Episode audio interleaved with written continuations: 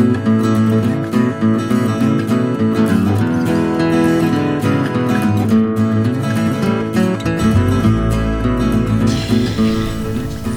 daar zijn we dan weer. Welkom bij podcast 4. We hebben het ehm, de vorige keer gehad over het zaaien en het kiemen. En nu gaan we kijken hoe zo'n plantje dan verder groeit. Het zaaien en uitplanten is wel achter de rug, hè? Nou ja, sommige, sommige soorten kun je het hele jaar door op planten. Hè? Sla Ja, bijvoorbeeld. zwaar. Ook wel handig hoor, want eh, je wilt toch geen 20 kroppen sla in Nee, keer, nee, dat eh, moet je echt in hele kleine beetjes zaaien. Daarom, Ja. dat is handig om dat een beetje te verdelen.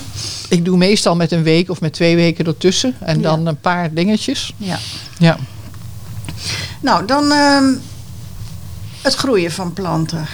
Er zijn natuurlijk allerhande dingen van invloed op, eh, op planten. En sommige van die factoren, daar kun je wel wat aan doen. En sommige niet. Kun, jij eh, even snel zeggen wat je bijvoorbeeld helemaal niet kunt beïnvloeden? ja, ik bedoel, de zon schijnt of niet. Het regent of niet. Ja, is het is warm of koud. Ja, je- je moet daar natuurlijk wel mee omgaan. Je kunt ervan profiteren. Soms moet je de planten er tegen beschermen. ja. Of je moet ze extra in de gaten houden als het bijvoorbeeld lang heel droog is. Ja, Hè? Maar je kunt het verder niet beïnvloeden. Als het blijft regenen, dan houdt het gewoon Dan houdt het op en dan weet je dat de eh, slakken een feestje hebben. Ja, nou, Ja. dus dan moet je nemen zoals het komt. Ja. En eh, handelen naar bevind van zaken, zeggen ze dan. Hè? Ja, ja. Eh, het is voor ons natuurlijk interessanter ook om te zien eh, waar je wel wat aan kan doen. Dus hoe, hoe kun je er nou voor zorgen dat een klein plantje uitgroeit tot een grotere plant die vruchten geeft? Nou, bij droogwater, het, het is een inkoppertje, ga je water geven. ja. Dat is één ding. En verder moet zo'n plant natuurlijk groeien. En dat kan niet alleen maar als die ook voeding krijgt.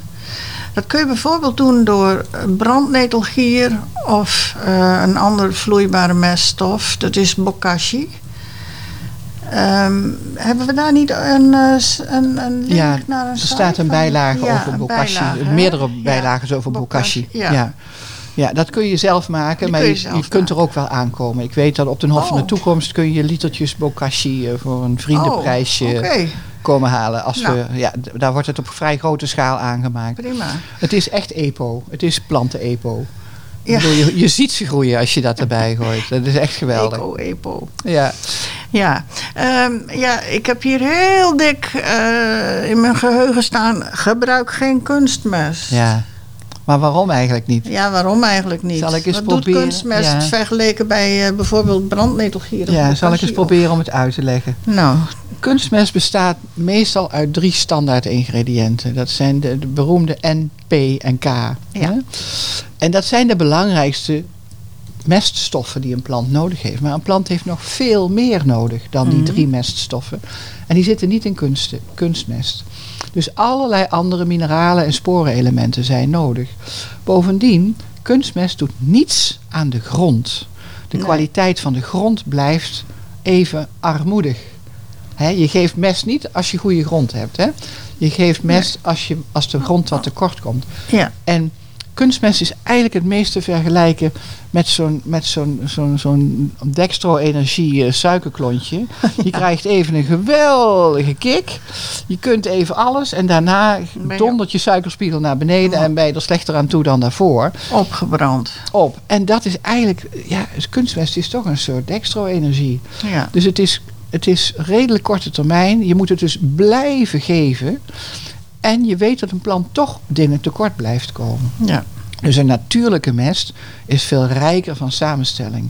En het voordeel van brandnetelgier en bokashi is dus dat hij vloeibaar is. En dat je hem dus in de juiste verdunning heel makkelijk gedoseerd bij bepaalde planten wel en bij bepaalde planten niet kunt, Ja, eh, de kunt een wat gieten. meer, de ander wat de een wat meer, de ander Ja. wat minder. Ja. Ik wil nog even wat zeggen over dat water geven. Oh. Na- Natuurlijk moet je plantjes, zeker jonge plantjes, water geven. Ja. Maar je moet ontzettend oppassen dat je plantjes niet heel lui maakt.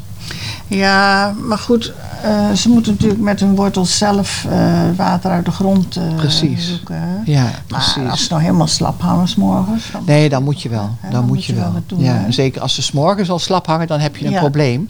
Want de meeste plantjes knappen s'nachts juist op. Hè? Ja. Want er, dan is er dauw en noem het allemaal maar op. Zo dus je dat. moet het goed in de gaten houden. Maar maak je planten niet lui. Ze moeten zelf aan het werk. Hè? Ja. En je, kunt aan het water slepen blijven als je, als je planten daar eenmaal aan gewend zijn. Ja. En zeker met dat hele droge voorjaar wat we de laatste paar jaar gehad hebben, is het beter om de bodem te verbeteren. Dus veel mulch, mulch, mulch, zodat de bodem Ja. beter vocht kan die vasthouden. vocht vasthouden. Ja. Ja. Nou ja, behalve die vloeibare mest, kun je, die vloeibare mest kun je ook wel mest van allerlei dieren gebruiken. Ja. Maar het is wel verstandig om die eventjes een eh, jaartje te bewaren voordat je het over de grond eh, uitstrooit. Want anders dan verbranden de planten. Ja, precies. Dus, Ja, dat zit, noemen we eh, dan zo, hè? Ja, er zit ammoniak in, hè? Er zit veel Ja. ammoniak in verse mest. En Ja. dat verbrandt de planten. Maar het voordeel van, van, van, grove, van dierlijke mest is dus dat er ook weer allerlei eh, organisch materiaal in zit. Hè? Dus stukjes stro en Ja. nou ja, van alles en nog wat. Ja. Hè? Ja. En, en dus het, het, doet ook, het doet ook wat aan de, aan de bodem. Terwijl die vloeibare mest is echt voedsel wat naar de wortels van de planten gaat. Maar doet ook verder... Ja, het is ook heel goed voor het bodemleven. Maar het doet niks Ja, aan de structuur zeker. van de bodem. Ja, ja, voor Ja. de structuur van de bodem met name ook. Nou. Brandnetelgier maken is heel makkelijk. Misschien kan ik even snel het recept geven. Ja, even snel het recept. Nou, daar gaat hij dan. Je plukt brandnetels. Voor de stoere mensen onder jullie doe je dat met blote handen. En eh, een kilo brandnetels. Dan moet je toch nog wel flink wat plukken hoor, want eh, zoveel wegen ze niet. Nee. En eh, dat doe je op 10 liter water. Je kunt natuurlijk ook 100 gram op een liter water, maar dan heb je nog niet zoveel. Af en toe roer je dat even. Je zet het in een emmer en je roert af en toe even. Je zorgt ervoor dat de brandnetels onder blijven staan. En na een dag of tien dan is je brandnetelgier klaar. En dan, nou weet ik niet precies hoe je dat moet verdunnen. 1 op 10 of 1 op... Als je, echt een, als je echt een kilo brandnetels op 10 liter water gebruikt, dan moet je het inderdaad flink verdunnen. Flink verdunnen, hè? Ja. Ja. Ik, ik Ja. doe meestal een, een, een derde part van de emmer vol met, met Ja. brandnetel. Dat is dus lang geen kilo. Nee. En dan water erbij. Maar ik verdun het ook nog flink. Ja. Ja. En het is heel makkelijk. Je weet precies wanneer het klaar is. Want het stinkt als, als, als gier. Stinkt als gier. Als het echt naar gier ruikt, dan is het klaar. Dan is het Dus dat is heel makkelijk. En dat is inderdaad na een dag of 10, 12. Ja, Ja. Nou, wat kun je nog nou, meer doen? ja, dit- we hebben het nou over de mest gehad, hè, water om planten te helpen. Maar er zijn nog wel andere dingen ook die je kunt gebruiken. Je moet een plant bijvoorbeeld beschermen tegen kou en vorst. Nou hebben we het daar in de vorige podcast al even over Mhm. gehad. Hè. Ja. Ik heb toen die bloempotjes genoemd en eh, het afharden. Eh, ja, en dan ehm, als je wilt dat de bodem niet te veel uitdroogt, daar help je de planten namelijk ook mee, dan kun je dat doen door bijvoorbeeld eh, bepaalde, wat we dan onkruid noemen, Mhm. ehm, te laten staan. Ja. Muur bijvoorbeeld, ja. die laat ik altijd staan. En eh, ja, af en toe dan pluk ik daar een handvol af voor de kippen. En dan, als de worteltjes blijven staan en een paar plantjes, nou, dan heb je een week later eh, is de grond weer bedekt. Ja. Dat gaat fantastisch. ja. Ehm, ja, er zijn ook vast andere planten die je daarvoor eh. Ja, jij, ik heb jou ooit gehoord over Nieuw-Zeelandse spinazie. ja, dat is ook een geweldige bodembedekker. Want als, die, eh, die groeit een meter per dag als die eenmaal wil. Ja. Ja. En ik heb zwinters, maar dat, dat, dat heb ik bij de tuin erbij gekregen, want dat bleek er altijd in te zitten. Een winterpostelijn. Oh ja, de winterpostelijn. Eh, die komt op een gegeven moment vanzelf. Die Ja, groeit alles vol. niks voor te doen. En in het voorjaar verdwijnt hij weer. En je kunt hem eten. Ja, je kunt En, hem eh, dus je beschermt dan de bodem tegen uitdrogen. Dus ja. ik weet dat veel klassieke moestuinierders erg helpen, houden van een schone, Ja. goed geschoffelde tuin. Oh, bij ons thuis vroeger ook stond. Maar- een sprietje verkeerd hoor. Het, het droogt dus Jammer. uit waar je bij Ja. staat. ja. Hè, dus, maar goed, een dikke laag hele grove compost die nog maar half verteerd is, is ook prima. Ja, dat werkt ook. Ja. En of, of als je te veel last van slakken hebt, kun je ook droge houtsnippers eh, strooien. Daar hebben de slakken wat minder eh, plezier van. En eh, dus dat helpt allemaal. Ja. ja. En karton, hè? Gewoon schoon karton, Ja. onderdrukt karton. Dan kun je laten liggen en dan, eh, je kunt er zelfs plantgaten in steken en eh, Ja. die, eh, dat verteert gewoon. Ja, hè? en het laat Het ook gewoon... eh, stro, toch? regen laat het gewoon door en Ja. het vergaat uiteindelijk vanzelf. Het kan geen kwaad. Ja, Nou, je moet Nou. planten dus een beetje helpen door de bodem niet te droog te laten worden. Of de oppervlakte vooral daarvan. En ja, verder moet je het beschermen tegen ge- ongedierte of gedierte. ja, Ehm, slakken kun je vangen. Bijvoorbeeld onder een, een nattige plank of onder een nat stuk karton. Daar gaan ze Ja. graag onder zitten. of een oude dakpan. Of, Ja. ja. Moet je niet vergeten om ook nog even naar de eitjes te kijken die ze daar afzetten. Dus Ja, dan heb precies. je natuurlijk het probleem bij de wortel aangepakt. Als je dat, Precies, eh, als je die ja. ja. Nou, verder tegen vogels. vogels eten graag eh, besjes en kersen en zo. En eh, kun je netten gebruiken. Dan is het bij een boom niet echt heel gemakkelijk. Maar een eh bessenstruik kun je wel een netten over doen. En dan heb ik wel gelezen dat je het best maar een blauwe netten kunt gebruiken. Omdat vogels die zien. Dan Ja. blijven ze vanzelf al. Zwarte netten zien ze niet. Anders dan, Ja. nee, dan zitten ze daar weer met de pootjes in Ja. en dan moet je ze er weer uithalen. Ik, heb al, ik heb al zoveel netten met gaten daardoor. Precies. Ik heb een blauw net en daar komen inderdaad geen vogels in. Dat heb ik gewoon bij de boerenbond gehaald. Ja, ja. Ja. Nou, mieren, ook lastige dingen, die eh, ondergraven vooral je tuin en je terrasjes. En eh, die kun je weren door er eh, koperdraad of koperwikkels omheen Ja. te leggen.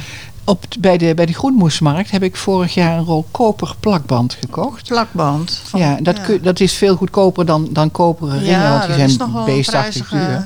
En die plak je dus gewoon rondom een kwarkbakje Ja, waar je de bodem uitgehaald hebt. En dat zet je dan om een plantje heen. Ja, En dat helpt dus ook heel goed tegen slakken. ja. Want eh, er ontstaat een soort statische elektriciteit als een slak Aha. met zijn slijmhuid over dat koper glijdt.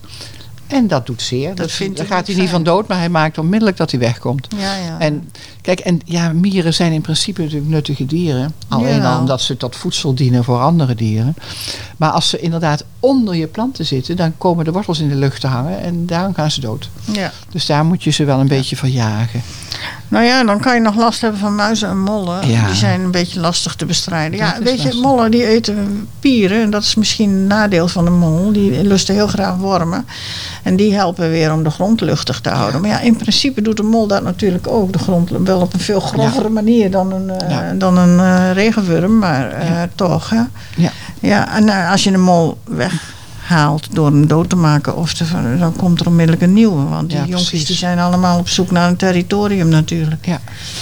Wij hebben op den Hof sinds um, een paar jaar een Dassenburgt. Dat, Oh, helpt ook tegen, dat helpt ook tegen mollen. Ja. Maar ja, in je, in je eigen moestuin is dat natuurlijk niet zo handig. Je kunt ook niet zomaar even een das leasen of zo om in je Nee, tuin te zetten.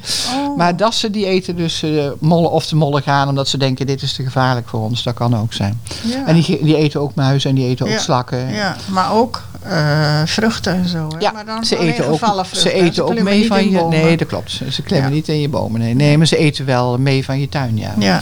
Dus het is toch, ja. Weet je, Yvonne Ree had daar een mooie uitspraak over. Die zei ja. Als je maar genoeg zet, dan is het niet erg als er meegegeten wordt. hè? Dan als er, dus kijk, begin eens voor je gaat bestrijden met hoe erg is het nou helemaal. Hè?